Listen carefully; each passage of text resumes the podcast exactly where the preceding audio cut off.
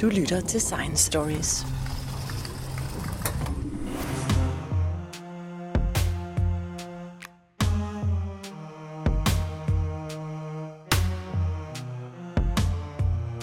Astrofysiker Uffe Grå Jørgensen.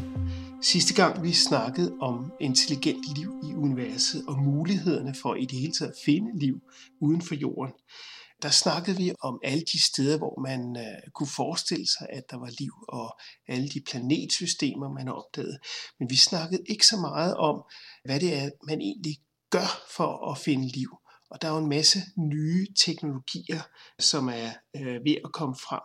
Og der er også en masse nye projekter, og blandt andet det her øh, SETI-projekt øh, har jo virkelig været i medvind i den senere år for et par måneder siden, der deltog jeg i den store amerikanske konference, der hedder AAAS, The American Association for the Advancement of Science. Og der stillede CETI-folkene op til en øh, pressekonference, hvor uh, blandt andet Andrew Simeon, som er Berkeley CETI's forskningscenters chef, han stillede sig op og sagde, at han regnede med, at i løbet af de næste 10 år, der ville der være en tusind gange større chance for at finde intelligent liv uden for jorden, end, end der har været de sidste 10 år.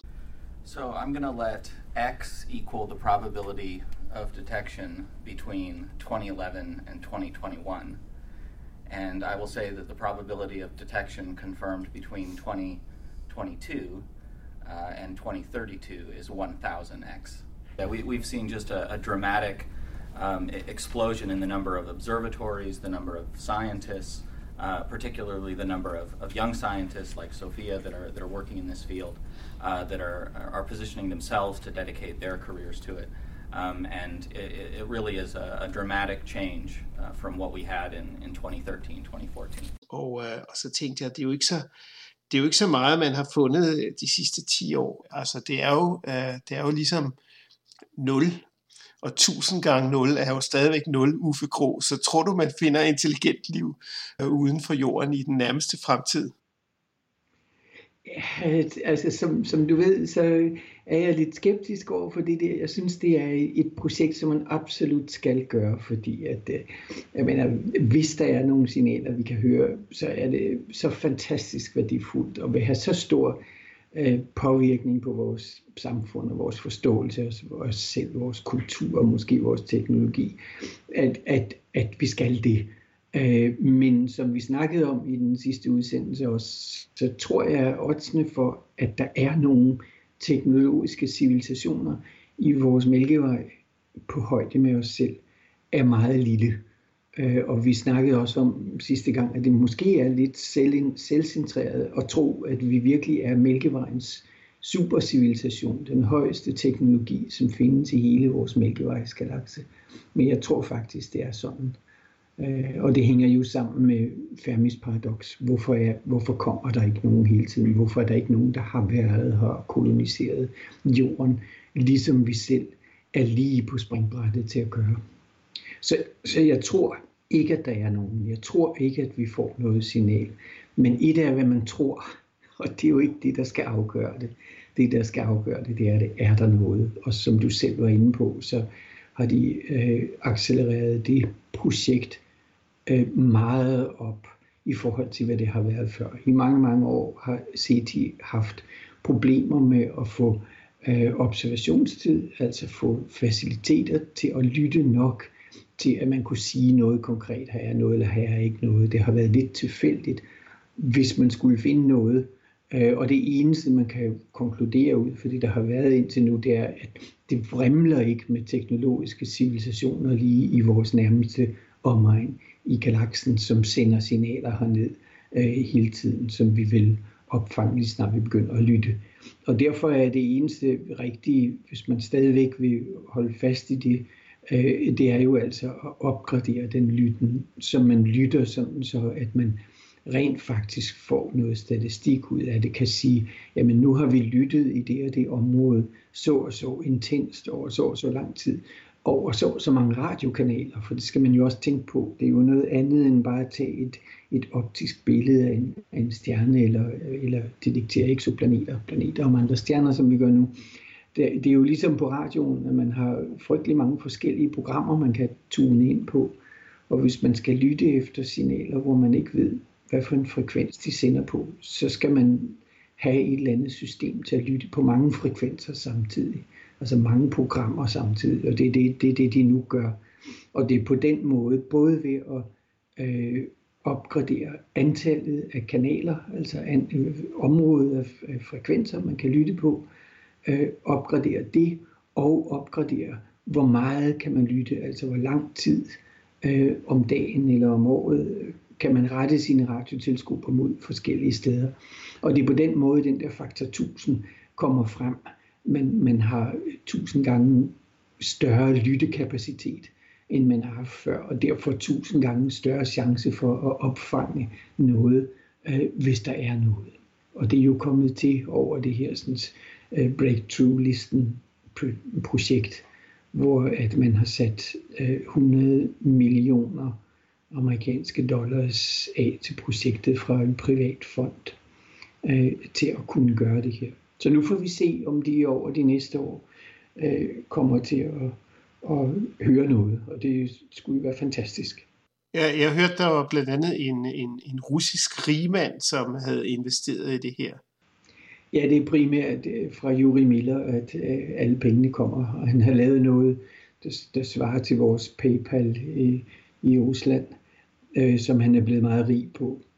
Øh, og øh, alle de penge sætter, eller nogle af de penge, sætter han nu ind i de her forskellige videnskabelige projekter øh, med backup af en, af en, en prominent videnskabelig komité, som anbefaler ham, hvad man synes, man skal gøre. Så det har sådan en kombination af at være spændende øh, og i almen interesse, og så at være øh, videnskabeligt velfunderet. Så der er, er både det her listenprojekt, øh, og så er der et projekt, hvor man udgiver nogle, hvor man deler nogle priser ud til nogle bestemte områder, til grupper, som, som laver breakthrough, altså laver gennembrud i, i et eller andet, eller der er forhåbning om, at de kan lave gennembrud. Så man uddeler øh, flere priser om året, der har, der, der har større beløb end Nobelprisen. Øh, og, øh, og det skulle hjælpe til at komme igennem med, med både medicinsk forskning og, og anden forskning. Øh, og så har man endelig det projekt, som også er finansieret af Jori Miller, hvor man forsøger at lave øh, en, øh, en decideret rumfærd til nogle af de nærmeste eksoplaneter. Altså i dag har vi jo øh, rumfærd til månen og til de nærmeste planeter i vores solsystem. Men, men at lave en rumfærd til en planet omkring en anden stjerne, det er jo et helt nyt et gennembrud, kan man sige. Det er et helt nyt, en helt ny type projekt, en helt ny type rumfart.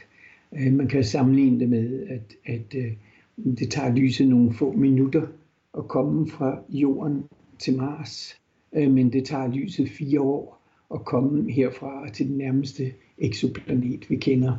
Så det er den skala, man skal skale sine rumprojekter op, hvis man vil flyve derud. Og det er altså det, man nu er i gang med at arbejde på, og tror, at man inden for de næste 20-30 år kan være færdig med øh, den type satellitter, som vil kunne flyve helt derud.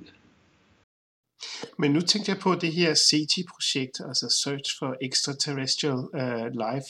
Det er jo ikke bare uh, støj, de sidder og lytter på uh, i uendelig mange timer på alle bølgelængder. Uh, der må vel også komme noget rigtig forskning ud af det, altså som, som virkelig kan uh, bruges til noget. Altså man må lære noget ud fra den støj, der rent faktisk kommer. Ja, altså jo, det er rigtigt. Men det primære formål med det er, det jo, er jo at se, øh, er der et intelligent signal øh, i, i, i det, man får. Er der noget, der er skabt, som ikke er skabt af naturen?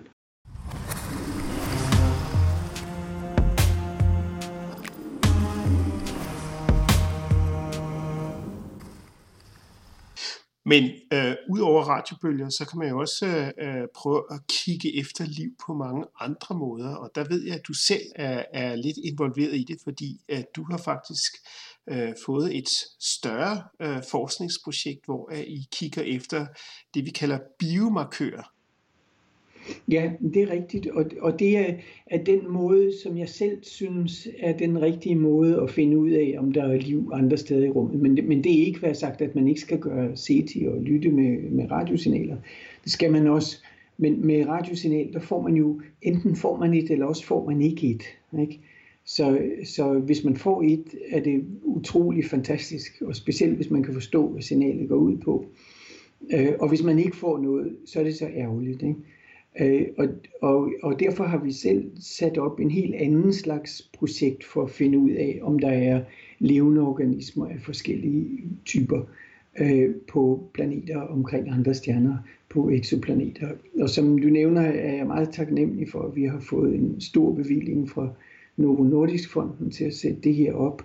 Øh, og jeg er med i en, en stor bevilling, som vi har fået fra, øh, fra EU's forskningsråd. Det en europæisk institution for, for, for at støtte videnskab. Så øh, til sammen så, så sætter vi nu op et stort projekt, hvor vi vil være i stand til at finde ud af, om atmosfæren omkring øh, planeter og andre stjerner er ude af kemisk ligevægt på grund af biologiske processer på overfladen. Så det vil sige, at vi kigger altså efter noget, noget meget bredt Øh, og det er ikke sådan, så vi kigger efter liv ligesom på jorden, eller liv ligesom mennesker, eller teknologi, eller nogen, der kan lave radiosignaler, eller nogen, der kan lave laserbeams, eller noget som helst. Vi har simpelthen et grundlæggende begreb omkring liv, som vi leder efter. Og det grundlæggende begreb omkring liv, øh, det går ud på, at, at liv på en eller anden måde er ordnet Altså liv er en ordnet struktur. Det er ikke noget, der bare sådan opstår ved, at nogle molekyler blæser ind i hinanden, og så pludselig pang, så har vi et menneske, der står og siger, wow, her er jeg. Øh, sådan, sådan er livet jo ikke opbygget. Livet er opbygget med, at det får en kompleksitet, øh, som på jorden er opstået og udviklet over milliarder af år, 4 milliarder år formentlig. Og så bliver det mere og mere komplekst. Og den kompleksitet øh, i strukturen, den kan man se øh, på lysårsafstand, fordi den påvirker omgivelserne, den påvirker atmosfæren. Vi, vi tænker tit på, at, at vi selv er så frygtelige, og vi påvirker omgivelserne og sådan noget, men i virkeligheden er det meget lidt, vi påvirker omgivelserne i forhold til det, som organismerne på jorden har gjort øh, igennem år milliarder. Så en af de ting, man kan se på jorden, øh, som er et tydeligt tegn på, at der er biologi på overfladen af jorden, det er, at atmosfæren er ikke rent CO2. Den er ikke ren, den er ikke 100% kul, koldioxid CO2, ligesom Mars og Venus atmosfæren er. Øh, den koldioxid, den er lavet om til at være ilt og tilbage en lille bitte smule koldioxid øh, og metan. Og, og de ting øh, vil man kunne se med dagens instrumenter, hvis man stod på en planet 100 lysår herfra med en stor kikkert og kiggede ned på jorden, så vil man kunne se, her er der nogen, der bringer atmosfæren ud af kemisk ligevægt. Øh, og det er et, et tydeligt, tydeligt tegn på biologi. Øh, på, på jorden har man altså ilt, metan, vanddamp og CO2 side om side og de er ikke i kemisk ligevægt. Hvis man bare lå dem være for sig selv, så vil specielt ilten meget hurtigt forsvinde. Den, den er meget reaktiv med, med alting. Så der skal, være, der skal være træer og planter, som hele tiden pumper ilt øh, ud i atmosfæren, for at der er et, et iltlag i atmosfæren. Og det, det er det, øh, som vi er ved at sætte et projekt op til at kigge efter. Men det er ikke kun til at kigge efter, øh, efter ilt, fordi ilt er, er en mulig, det er en meget effektiv måde at have biologisk aktivitet. Så, så det er sandsynligt, at, at øh, højere ordens biologisk aktivitet er afhængig af ilt. Så ilt er, er en, øh, en vigtig ting at kigge efter som O2 eller O3, altså som molekylært ilt eller som ozon, øh, som man kan se i spektret. Så, så vi kigger efter ikke bare ilt, men vi kigger efter, er der noget i atmosfæren, som er ude af kemisk ligevægt. Altså noget, som ikke vil have formet sig af sig selv, vil bare lade systemet være overladt øh, til kemi og fysik. men som kræver biologi for, at det kan være der. Det kan være hvad som helst. Vi har ikke nogen forudsætning om, at det skal være noget, vi kender. Det skal bare være ude af kemisk ligevægt. Så, så, så det, er den, det er den ene måde, vi arbejder på. Det er at lave nogle øh, Øh, atmosfæreberegninger, som gør det muligt øh, at se, om atmosfæren er i ligevægt eller ude af ligevægt. Og, og for så at kunne kvantificere det, hvis vi ser spektrale træk, der viser, øh, at atmosfæren er ude af ligevægt, så laver vi sideløbende med de øh, modelatmosfære og computerprogrammer, så laver vi nogle øh, laboratorieeksperimenter, hvor vi er ved at opbygge et, et øh, laboratorium, som kan simulere forhold, øh, der øh, ikke findes på jorden. Også forhold, der findes på jorden, men også forhold, der er anderledes end på jorden. Og så eksperimenterer vi med øh, bakterier øh, inde i det kammer, som vi så måler på, hvordan ændrer deres metabolisme sig, hvordan ændrer øh, de gasser, som de, som de udånder, når de optager en eller anden form for næring. Hvordan ændrer den sig, når vi ændrer forholdene? Altså hvis det bliver meget koldt, eller hvis det bliver ikke er nogen ilt i atmosfæren, eller hvis der ikke er noget vand i atmosfæren, som er vanskeligt for alle levende organismer, vi kender fra jorden. Hvordan ændrer de forskellige bakterier sig til at tilpasse sig til de vanskelige forhold, vi giver dem? Og hvad udsender de så for nogle gasarter? Øh, og hvis vi så ser nogle af de gasarter i de spektre, vi kommer til at kunne måle på planeter om andre stjerner, på eksoplaneter, om ganske få år, øh, så vil vi kunne kvantificere det.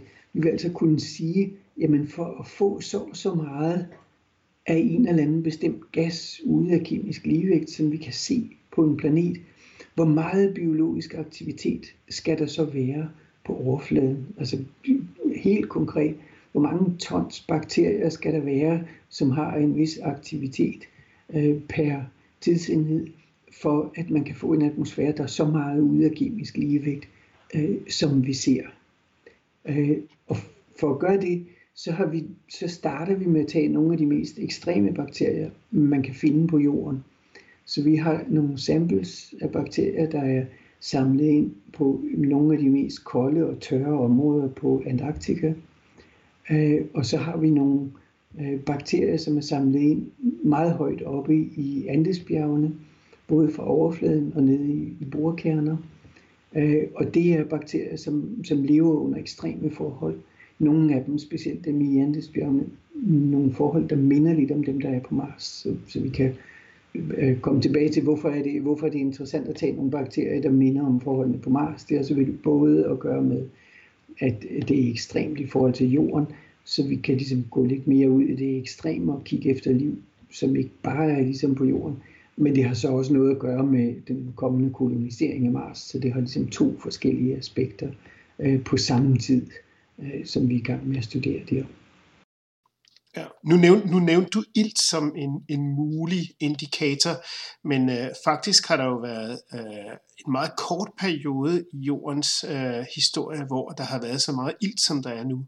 Det var ikke før en, den, den kambriske eksplosion for små 500 millioner år siden, at der virkelig kom ilt til. Før da var der jo øh, kun et par procent ilt i atmosfæren. Ja, det er rigtigt. Og, og derfor er det heller ikke specifikt ilt, vi kigger efter. Altså det er ikke sådan så, at der skal være ilt for, at vi tænker, der er liv. Jeg tror, at ilt er, er, er meget fundamentalt, fordi at metabolismen med ilt øh, er meget, meget, meget mere effektivt end metabolismen uden ilt. Så det vil sige, at man kan få meget mere biologisk aktivitet, man kan få meget mere øh, man kan få meget mere avancerede livsformer, hvis der er ilt i atmosfæren. Det, gi- det giver simpelthen med de biologiske processer, vi kender, øh, der giver det simpelthen anledning øh, til, til meget mere energi til cellen, hvis der er ilt. Og derfor er det, kunne man forestille sig, at det måske er en forudsætning for højere øh, livsformer, at der er ilt i atmosfæren, fordi der, der simpelthen er mere energi til rådighed til organismen. Men, men det er ikke kun ilt, øh, vi kigger efter. Vi kigger simpelthen efter, er der noget, der er ude af kemisk ligevægt. Øh, så, så derfor er det helt generelt, helt ned på det fundamentale spørgsmål om, om hvad liv er. Øh, og en ting, som liv bliver nødt til at gøre, det er, at den bliver nødt til at bringe en ulige vægt. Den bliver nødt til at bringe noget andet, end det kemien, den rene kemi gør. Øh, og, og det er det, vi kigger efter. Er der noget, der er, er anderledes? Og, og der er nogle af faldgrupperne der, det er selvfølgelig, at øh, der er andre ting end levende organismer, som, som bringer, som bringer øh, gassen, gasserne, atmosfæren ud af kemisk ligevægt. For eksempel vulkanudbrud kan bringe en hel masse øh, gasser ud i atmosfæren. Så, så, så man skal modellere det meget omhyggeligt øh, for at forstå forskellen mellem, hvad kunne der være af geologiske årsager, og hvad kan, være, hvad kan vi være sikre på af biologiske årsager. Og det er derfor, vi har eksperimenter ind i det samtidig. Er det en grund til. Så jeg, jeg kan forstå på dig, at I simpelthen prøver at se, hvad det er for nogle øh, altså kemiske øh, stoffer, der indgår i omsætningen, når man, når man øh, har, øh, altså, eller måler på meget primitive organismer eller ekstreme øh, organismer, som lever under, under meget ekstreme forhold og måske slet ikke har behov for ilt osv. Men jeg tænkte på, at, at, at for at måle, altså for at måle det her ude på nogle planeter, som findes øh, ved fremmede solsystemer, øh, så kræver det vel, at I får adgang til helt ekstremt øh, udstyr, eller, eller at de rent faktisk øh, får lov til at, øh, at kunne observere øh, spektralmønstre, så man kan se, hvad det er for noget, der er i atmosfæren. Ja, øh, altså gennem det europæiske samarbejde, som jeg er involveret i, der har vi garanteret tid på, øh, på nogle af de store rumteleskoper, som kommer op nu. Øh, og, øh, og, og så der er blandt andet det der James Webb teleskop. Så det er, det er en af de øh, avancerede teleskoper, som vi altså allerede har observationstid på inden opsendelsen. Øh, så vi garanteret at få data derfra, øh, som man kunne se.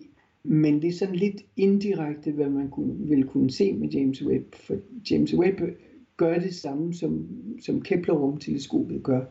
James Webb er bare større, og den kan observere ud i det infrarøde område som gør det bedre og mere effektivt at se planeter og se atmosfæren om, omkring planeter. Men man skal have for sig, at det er stadigvæk en indirekte observation. Man tager et observation af stjernen, før planeten er foran, og efter planeten er foran. Og så trækker man de to observationer fra hinanden. Og effekten af planeten, den er altså i størrelseorden en milliardendel effekten af stjernen. Og det er den lille milliardende del, man prøver at ekstrahere data fra. Det bliver svært. Øh, men, men øh, altså, teknikken til at gøre det er meget langt fremme, og man kommer til at få data. Men det helt store gennembrud kommer til at komme, når den store europæiske kigger, der hedder ELT, øh, kommer, kommer i funktion. Og det er meningen, at den skulle kunne begynde at observere fra 2025. Øh, og den er lidt mere funderet i tidsplaner, som skal overholdes, fordi der er simpelthen teknologibøder øh, til de virksomheder, som skal levere dele til den, hvis ikke de kommer til tiden. Så den kommer nok til at være mere eller mindre til tiden. Øh, og når den kommer til at være op, så kommer man for første gang nogensinde til at kunne tage direkte spektre af jordlignende planeter omkring de nærmeste sollignende stjerner. Og det betyder altså, at man kan direkte måle, hvad er det for nogle stoffer, der er i atmosfæren, øh, på en sådan jordlignende planet, øh, ned til små detaljer. Øh, og det er det, vi forbereder os på, at kunne, øh, kunne analysere de spektre. Det er ikke simpelt at analysere men det er ikke simpelt at kunne se, om der er biologi. Og specielt ikke at kunne kvantificere, hvor meget biologisk aktivitet er der. Så det er det, vi både laver øh, computermodeller og eksperimenter til at kunne, for at være klar med det øh, om nogle år, når, når når de observationer findes. Så det er rigtigt. Øh, det kræver observationer, som vi ikke har i dag, men som vi kommer til at have øh, inden for de nærmeste år øh, frem i tiden. Og, og det vil simpelthen sige, at, øh, at så kan man øh, altså finde nogle indikationer på, at her må der være noget liv, som, som sætter gang i nogle ting i atmosfæren, som gør, at, at den ændrer sig. Kan man, kan man sige lidt om, hvad det er for nogle typer liv, eller er det også en del af jeres projekt, at man ligesom vil sige, Nå, men med den sammensætning, så er det nok den og den type liv, de har der. Ja, det, øh, det tror jeg, man kan. Man vil kunne komme til at sige noget om, hvad det, hvad det er for en type liv. Ikke? Altså man vil kunne klassificere det i det liv, der bygger på øh, den og den slags kemi, fordi de udånder den og den slags molekyler øh, ude af ligevægt. Så, så vi har noget dybt information øh, om det liv, vi eventuelt kommer til at se. Og så er det så det store spørgsmål, som er fuldstændig uafklaret i dag, og som er noget af det, som, som vi kommer til at bidrage med at finde ud af. Øh, det er, er, er der et eller andet fundamentalt, der gør, at liv er begrænset til den måde, som liv fungerer på på jorden? Altså er der en eller anden fundamental biologi, et eller andet, øh, et eller andet fundamentalt øh, grundlæggende princip, der gør, at livet skal være opbygget mere eller mindre på den måde, som livet er opbygget på jorden. Øh, det vil vi jo se, hvis det er det, vi ser øh, på de andre planeter. Hvis vi ser noget helt andet, så ser vi, at livet kan være opbygget på mange andre måder, end det er på jorden. Ikke? Og, og igen, hvis vi er ikke begrænset til, at vi kun kigger efter ting som, som liv, som vi kender det fra jorden. Vi kigger efter, om der er noget, øh, der er ude af kemisk ligevægt, altså om der er nogle biologiske processer, som man kan se i atmosfæren. Så, øh, så på den måde vil vi, ja, der vil vi kunne komme til at se, øh, hvad er det for en type liv. Og så er selvfølgelig det store spørgsmål, når man så sætter det i relation til CT-forskningen, ikke? Til, til signaler fra intelligente væsener. Øh, kan vi skille imellem øh, intelligente væsener og primitive øh, bakterier? Og det er ikke, ikke oplagt, man kan det. Det kommer an på, hvordan de forskellige mekanismer virker. Men øh, en teknologi, øh, som vi kender det, vi kender jo en eneste øh, teknologi fra jordens, hele jordens 4 milliarder år udvikling øh, på jorden, det er vores egen, og vi har aldrig set nogen, nogen andre steder. Og i hele den lange periode, som der har været liv på jorden, har det jo altså kun været de sidste få hundrede år, at der har været nogen form for teknologi på jorden. Så, så øh, alt vores eget eksempel, ikke alene at der kun er en, men også det, at der kun har været en over de her milliarder af år på jorden, tyder på, at det ikke er noget, der sådan, øh, opstår sådan, sådan meget nemt og alle vegne og hele tiden. Men øh, vores egen civilisation har jo en produktion af ting, som øh, ikke kommer ved, ved planternes fotosyntese og ikke kommer ved vores egen ind- og udånding, men som, som er et biprodukt af vores teknologi. Øh, og øh, det er muligt, at vi kan se spor af sådan noget. Så det er klart, at det modellerer vi også ind i vores modeller. Hvordan vi forskellige, forskellige forbrændingsprodukter fra øh, teknologier Altså hvordan vil forskellige omformninger af nogle ting i teknologisk henseende se ud i atmosfæren. Og igen er det jo noget grundlæggende, fordi man skal ikke tænke på det som, at, at vi kigger efter øh, forbrænding fra en bil eller sådan noget. Det er, ikke, det er ikke præcis den teknologi, vi har, vi kigger efter. Men vi kigger efter noget, som er øh, kompliceret sammensat ved, at der har været en eller anden kemisk proces, som ikke forløber naturligt, ligesom alle de processer, vi øh, laver i vores teknologi. Så vi kigger efter dem, øh, og øh, hvis der er spor af sådan noget, jamen, så vil man jo sige, her ser vi spor, som mest sandsynligt refererer til en teknologisk civilisation. Og på den måde vil man kunne skille mellem, er det bakterier, eller er det en, en, en højere livsform, altså en teknologisk civilisation, som vi ser. Og det helt store spørgsmål, som vi arbejder med der, øh, som, som kommer helt ud på, på fantasiens overdrev, kan man sige, men, men stadigvæk er realistisk, altså stadigvæk er noget, man, man måske kan se, det er, at vi prøver at arbejde på at finde ud af, kan man se forskel på, øh, om, der er, øh, om der er påvirkninger af atmosfæren, som skyldes en eksisterende teknologisk civilisation, og øh, på den ene side, ikke? og på den anden side, at der engang har været en teknologisk civilisation. som har bragt en eller anden uligevægt ind. Så med andre ord, hvor længe varer en teknologisk uligevægt i atmosfæren? Kan vi se den lang, lang, lang tid? Altså kan vi se den millioner år efter, at, øh, at civilisationen er forsvundet? Øh, så med andre ord kan vi se forskel på, om der er en teknologisk civilisation, eller at der engang har været en teknologisk civilisation.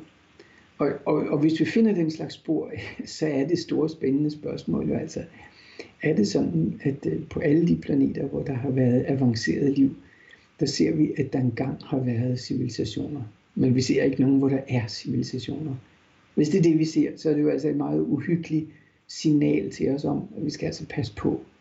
Øh, fordi vi er, er oppe i et niveau, hvor andre civilisationer normalt er gået under. Jeg vil næsten tillade mig at citere fra den øh, referee report, som vi fik til den ene ansøgning. Altså, når man indsender sådan nogle store ansøgninger, så bliver de jo sendt ud til international evaluering, øh, og, øh, og meget afhænger af, hvordan de der evalueringer er. Det vil sige, om dem, der regnes for eksperter rundt omkring i verden, synes de, det er fornuftigt, det vi foreslår at lave, eller synes de ikke, at det er fornuftigt at lave. Og, og det er klart, at vi havde et par linjer med om det her med civilisationer også, fordi det er sådan øh, perspektivet i det.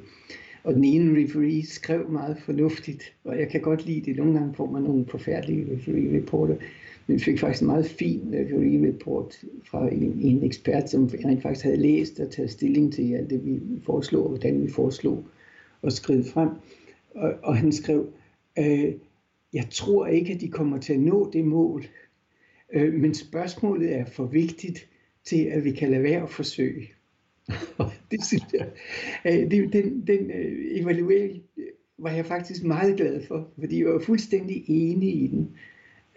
Jeg, jeg vil ikke sidde og påstå, at vi kommer til at kunne se forskel på, om der har været en teknologisk civilisation, eller der er en teknologisk civilisation.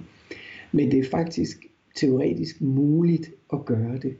Øh, og derfor Øh, skal det være en del af forsøget. Men det er ikke, det, det er ikke den drivende grundelement i, i eksperimentet. Det drivende grundelement er i at finde ud af, kan vi sige noget basalt øh, om levende organismer. Øh, findes der overhovedet levende organismer uden for jorden, eller er det noget helt unikt her på jorden? Øh, og hvis det findes uden for jorden, er det så altid opbygget på samme måde som på jorden? Øh, eller kan der være nogle fundamentale forskellige måder andre måder end på jorden at lave liv på. Og, og det er det fundamentale, som, som vi undersøger i de her projekter. Men som biprodukt af det, som perspektiv i det, ligger altså også det der med, øh, har der været civilisationer engang, og, og, og om hvorvidt vi kommer til at, at se det, det, kommer, det, det får vi se. Det lyder i hvert fald øh, spændende, og, øh, og jeg skal også helt at sige, at der er ekstrem hård konkurrence øh, mellem forskerne fra Europa. Ja, altså derfor er jeg også meget både glad og taknemmelig for, at vi fik de der øh, store beløb til det, og, og vi er altså en, en stor gruppe, som også har, har, har fået mulighed for nu at arbejde sammen, som vi ellers ikke havde gjort. Så det giver en, en hel masse synergi, både på europæisk plan mellem de forskellige universiteter, som jeg nu er øh, fantastisk glad for at komme til at arbejde sammen med i, i England, Holland, Belgien, Tyskland. Så det giver en synergi der, og, og lokalt herhjemme giver det altså en synergi til, at vi kommer til at arbejde mere intenst sammen. Både med øh, Niels Bohr Instituttet, hvor jeg selv er, som jo altså er fysik og astronomi og geofysik, øh, og så øh, Mikrobiologisk Institut og Kemisk Institut på Københavns Universitet. Du lytter til Science Stories. Det har været øh, fantastisk lærerigt for mig allerede i den proces, hvor vi bygger projektet op øh, og arbejder med, med kemikerne og biologerne, som ser mange ting på en helt anden måde. Ikke? Så vi har, øh, specielt har vi altså øh, de bakterier, som vi nu øh, sætter ind i vores laboratorium, som, mm, øh, som øh, trives under, under lidt Mars-lignende forhold. Øh, og øh, det er så nogen, de har samlet sammen på, på Mikrobiologisk Institut på Københavns Universitet.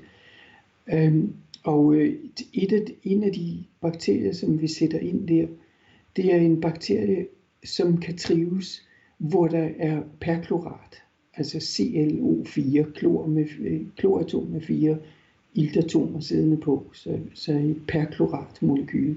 Perklorat øh, er meget giftigt for os selv. Altså vi vil, vi vil ikke kunne, kunne trives med det. Det er meget reaktivt, fordi det har så meget ilt i molekylet. Men øh, højt op i Andesbjergene er der i af en eller anden ikke helt forstået grund øh, en del perklorat øh, i jorden. Og man skulle så tro, at bakterierne de vil gå under øh, på grund af den her perklorat.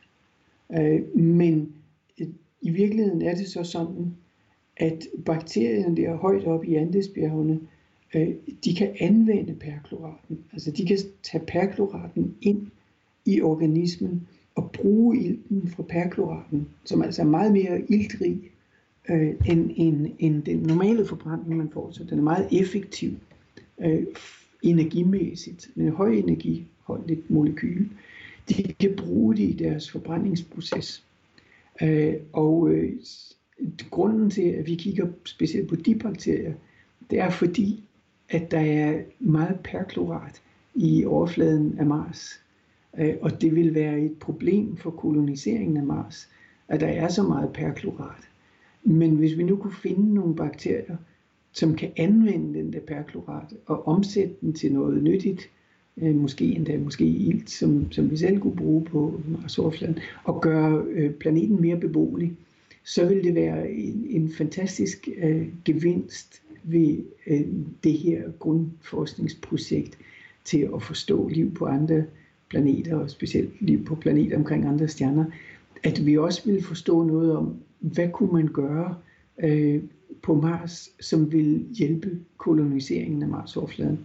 Og der kan de her perklorat-bakterier øh, altså spille en væsentlig rolle.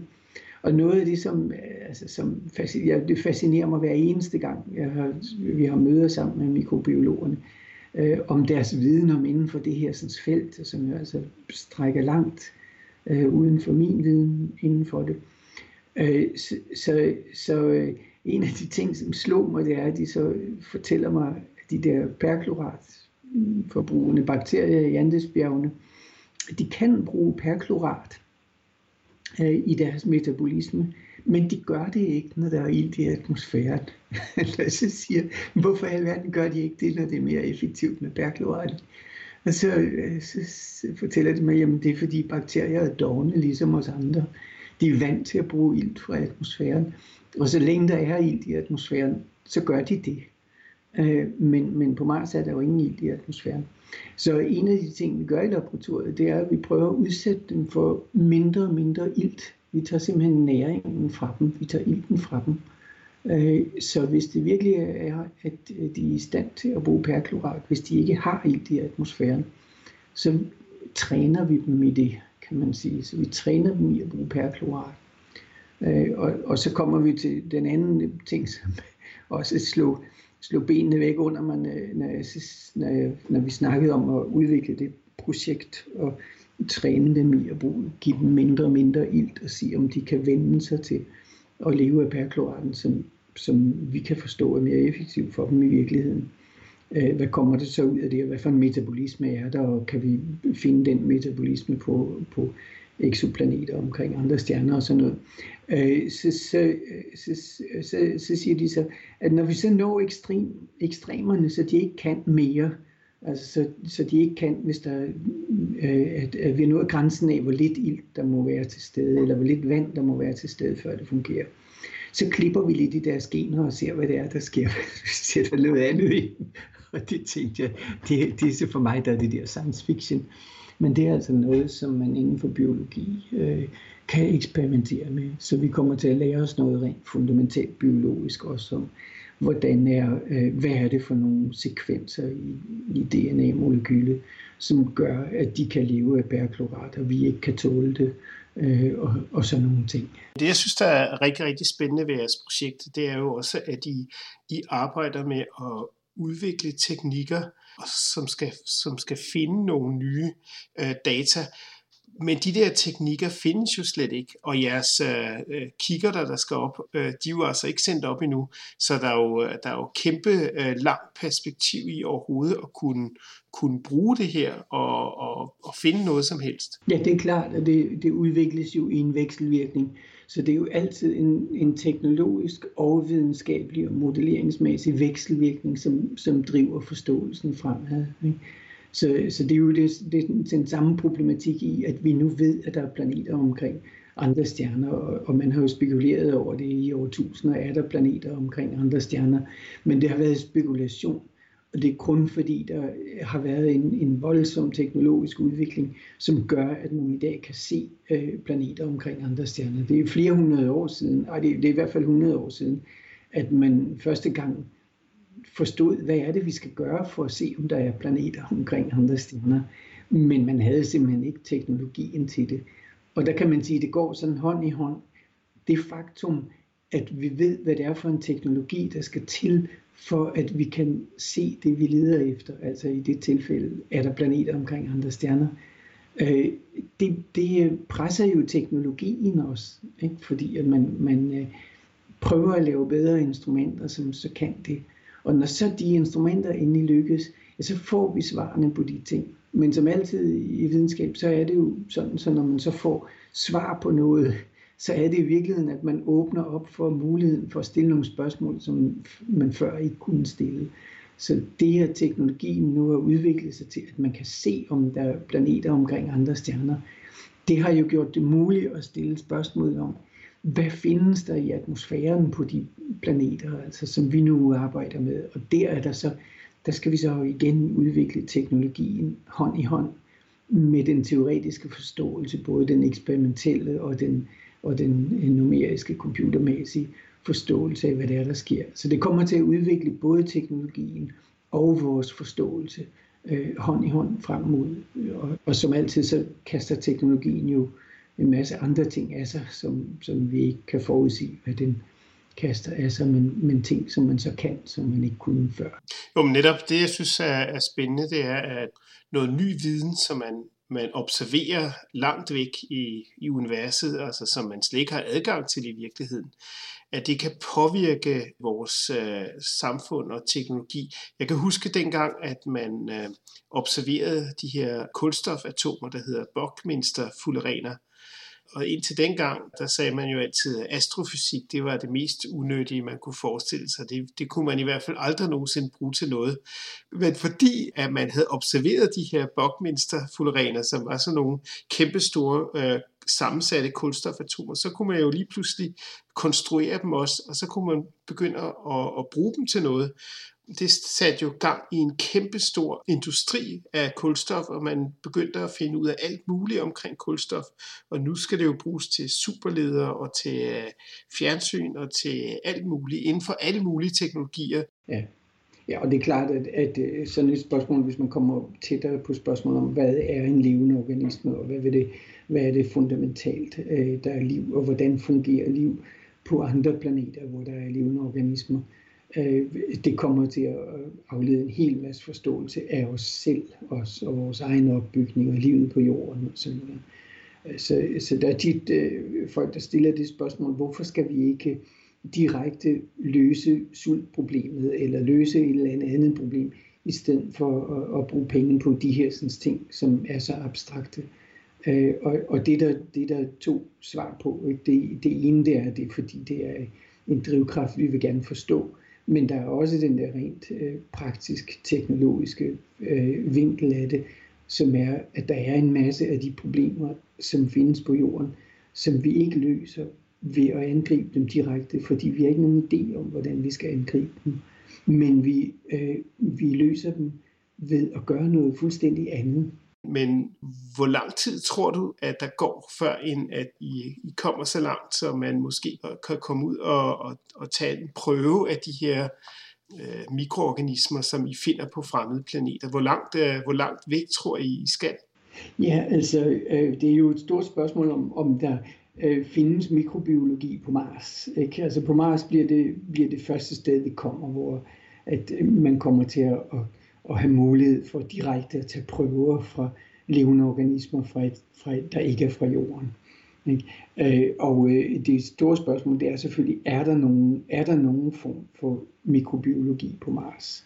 Øh, der er jo ikke noget avanceret biologi, der er ikke nogen avancerede væsener på Mars, der er ikke noget komplekst som sådan, men, men så hvis der er noget, så må det være nogle simple livsformer, som ikke er særlig aktive. Øh, så det vil sige, at selv de livsformer har ikke rigtig tilpasset sig til Mars øh, nuværende forhold.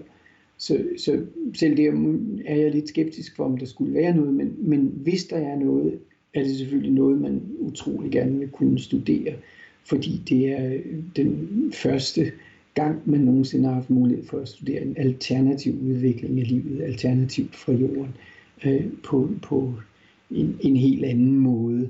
Så, øh, så der er mange, der, der, er mange, der, der er mange biologer, der synes, at man skal holde igen med det der med koloniseringen af Mars og sådan noget, fordi man risikerer at ødelægge den biologi, der allerede er der, og dermed ødelægge chancen for at kunne studere øh, for første gang nogensinde noget andet biologi.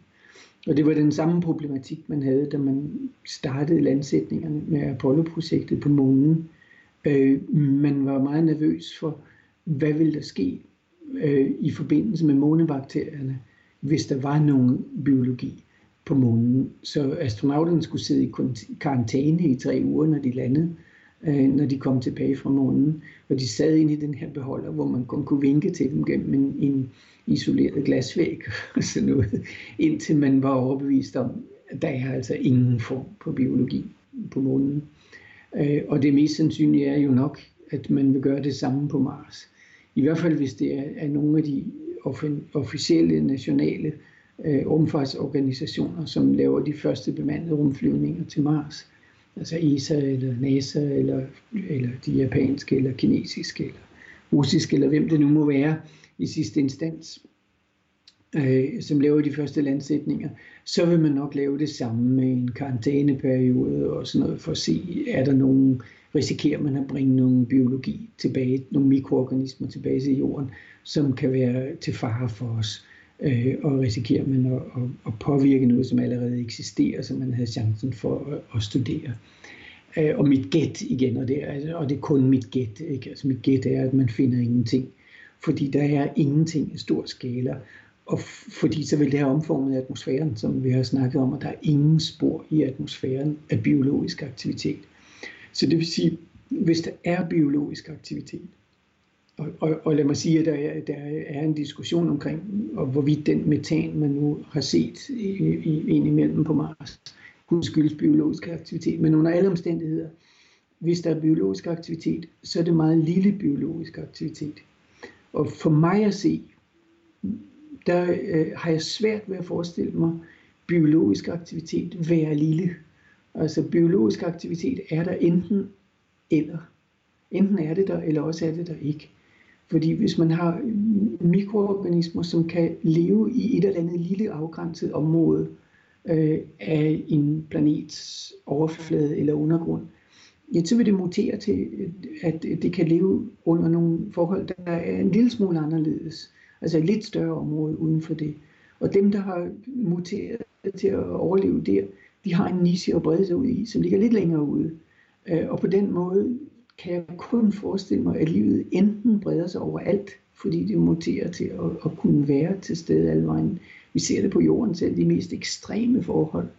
Øh, ser vi jo levende organismer, der har der har muteret til at klare sig der. Vi ser mikroorganismer, der lever midt inde i en atomreaktor, ikke? fordi de har tilpasset sig strålingen derinde. Øh, så, så det er svært for mig at forestille mig, at der kunne være liv på Mars, øh, fordi der ikke er liv i stor skala.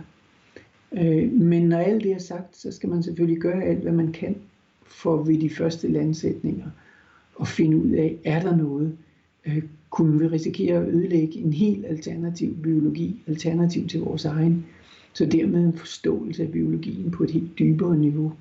Øh, og først når man så er sikker på, at der er ikke noget, øh, Øh, så kunne man begynde en kolonisering. Den, I den modsatte ende, der er selvfølgelig folk, der synes, at vi presser bare på, og vi sætter i gang med alt det øh, kolonisering, som vi kan. Og, og, og så får vi det til at udvikle sig, for det er for vigtigt Og hvis der så er bakterier, jamen så må de bukke under øh, for os, når vi nu kommer. Og, og det er der nogen, der, der er jo, man kan jo argumentere, der er jo ikke noget rigtigt svar på det, som man kan argumentere for og imod. Ikke? Men, men, men man kan jo sige, at øh, hvis med mindre mikrobiologien på Mars, hvis der er noget, som jeg som sagt ikke tror, der er, men hvis der nu skulle være noget, øh, med mindre det indeholder en eller anden fuldstændig fundamental øh, ny, nytænkning for os i, hvordan biologi kan fungere, så må det, så må det sige, øh, jeg sige, så må det bukke under næsten for, at vi kan brede os ud. Og det er sådan nogen synes, det er en lidt kynisk holdning, og det er det sikkert også. Men, men hvis man så ligesom går det på tanden og siger, øh, vil der være nogen, der vil have dårlig samvittighed ved at udrydde coronavirusen for eksempel? Det, der, det har vi jo ingen spekulationer om omkring at gøre. Den indeholder jo en masse information om noget, der har en fantastisk evne til at sprede sig. Øh, men vi vil gerne være fri for den. Ikke? Vi har ikke nogen øh, betænkninger ved at udrydde den. Gudskelov da. Øh, og dermed måske lidt som analogi til, hvis der er en biologi på Mars, hvis den kan overleve vores eksistens deroppe, så fint, og hvis vi kan overleve den, så fint. Men hvis den kommer i vejen for os, så kommer den i vejen for os, og så, øh, så var det så det. Jeg tænkte på, uh, Uffe Gro Jørgensen, uh, hvor langt er jeres perspektiv med hensyn til at, at finde liv andre steder, eller lad os bare sige tegn på liv andre steder. Tror du, det bliver 5, 10 eller 20 år, eller måske inden for vores levetid? Ja, jeg tror, det bliver kort, og jeg tror både koloniseringen af Mars og øh, opdagelsen om, hvorvidt der er levende organismer på øh, eksoplaneter, ligger inden for meget få år øh, ud i fremtiden bestemt inden for vores levetid, øh, men, men også inden for en, en meget kortere øh, vinkel. Jeg tror, at ting har en, en, en tendens til at vise kompleksitet, når man nærmer sig der, hvor det skulle manifestere sig. Øh, men, men lige så snart, at det europæiske ELT-teleskop kommer til at fungere, øh, så kommer vi til at have de observationer, som ikke bare siger, at måske er der liv, eller, eller sådan noget, men de kommer til at sige, at der liv, eller er der ikke liv? Og, og det kan være, at det bliver simpelt, at det bliver den, det første spektrum, vi får ned fra en jordlignende planet omkring en sollignende stjerne. Det viser, wow, der er store mængder ilt og metan. Det er ude af ligevægt med resten af atmosfæren. Det kan kun forklares ved fotosyntese og metanproducerende bakterier. Der er ikke nogen anden forklaring. Øh, så, så det vil jo være fantastisk, og det vil være simpelt, og mere simpelt, end hvad vi forventer. Øh, så det vil være den, det hurtige svar, vi vil få. Det, vil, det kommer øh, inden for mindre end fem år. Øh, men så kan det jo være, at vi får nogle spektre, øh, som er sådan, at på den ene måde, og så på den anden måde, der er noget ude af ligevægt, men det er ikke rigtig noget, vi havde forventet, og det kunne måske med en vis sandsynlighed være vulkanske aktiviteter, ikke biologi. Øh, og så kræver det en meget vanskelig modellering, og så tager det lidt længere tid. Men, men jeg vil sige, inden for maksimum 10 år, så ved vi, at der er der levende organismer på de øh, nærmeste jordlignende planeter, omkring de nærmeste sollignende stjerner. Og det i sig selv er jo helt fantastisk, at vi står så tæt foran det gennembrud. I årtusinder har man spekuleret på det, men der kun været spekulationer og fantasi. Øh, baseret på, at der er mange stjerner, og så er der også mange jordlignende planeter, og så er der også mange mennesker rundt omkring i galaksen. Men det er jo rent spekulation, der er ikke noget videnskab bag det. Så vi kommer til at have et videnskabeligt svar inden for, for få år, og mit gæt vil være øh, af størrelseorden fem år for det med exoplaneterne. Er der så liv på, på planeterne altså mikroliv på Mars. Øh, det får vi ikke noget svar på, vil jeg tro, før vi har landsat mennesker, og måske en, en større mængde mennesker på Mars. Øh, og hvornår kommer det til at ske? Det kommer til at ske, men hvornår kommer det til at være? Øh, mit gæt vil være, at det bliver før, end vi regnede med. Øh, fordi at den teknologi og den, øh, der ligger bag det, den er eksponentielt voksende. Øh, og man ser lige pludselig øh, så ser man de mest fantastiske rumprojekter. Altså pludselig så ser man, øh, hvordan private øh, virksomheder i USA øh, ligger helt på, på fronten i det her, sådan, så, og, og sender øh, rumsonder ud i Marsbanen og sådan noget som forberedelser til koloniseringen. Og det kommer som en overraskelse, og for mig i hvert fald. Og pludselig så ser man, at kineserne ansætter, øh, lander øh, levende væsener på bagsiden af månen øh, og kører dem rundt i små biler og, og har laboratorier med, der remote sender signaler om, hvordan reagerer de øh, ud over for de påvirkninger, de får. Det kommer også som en overraskelse for mig. Så jeg, jeg synes, der kommer mange overraskelser på den front lige pludselig. Og det skulle ikke undre mig, øh, om den første koloni på Mars er etableret inden for 10 år. Men det skulle heller ikke undre mig, hvis det tager lidt længere. Men, men det tager ikke 100 år. Altså det bliver inden for vores levetid. Det er, det er så tæt på, og alt ligger øh, klar til det, og, og øh, motivationen for at gøre det frem for alt ligger klar. Så det kommer til at ske meget snart. Uh, det lyder rigtig spændende, Uffe Gro Jørgensen. Tak skal du have.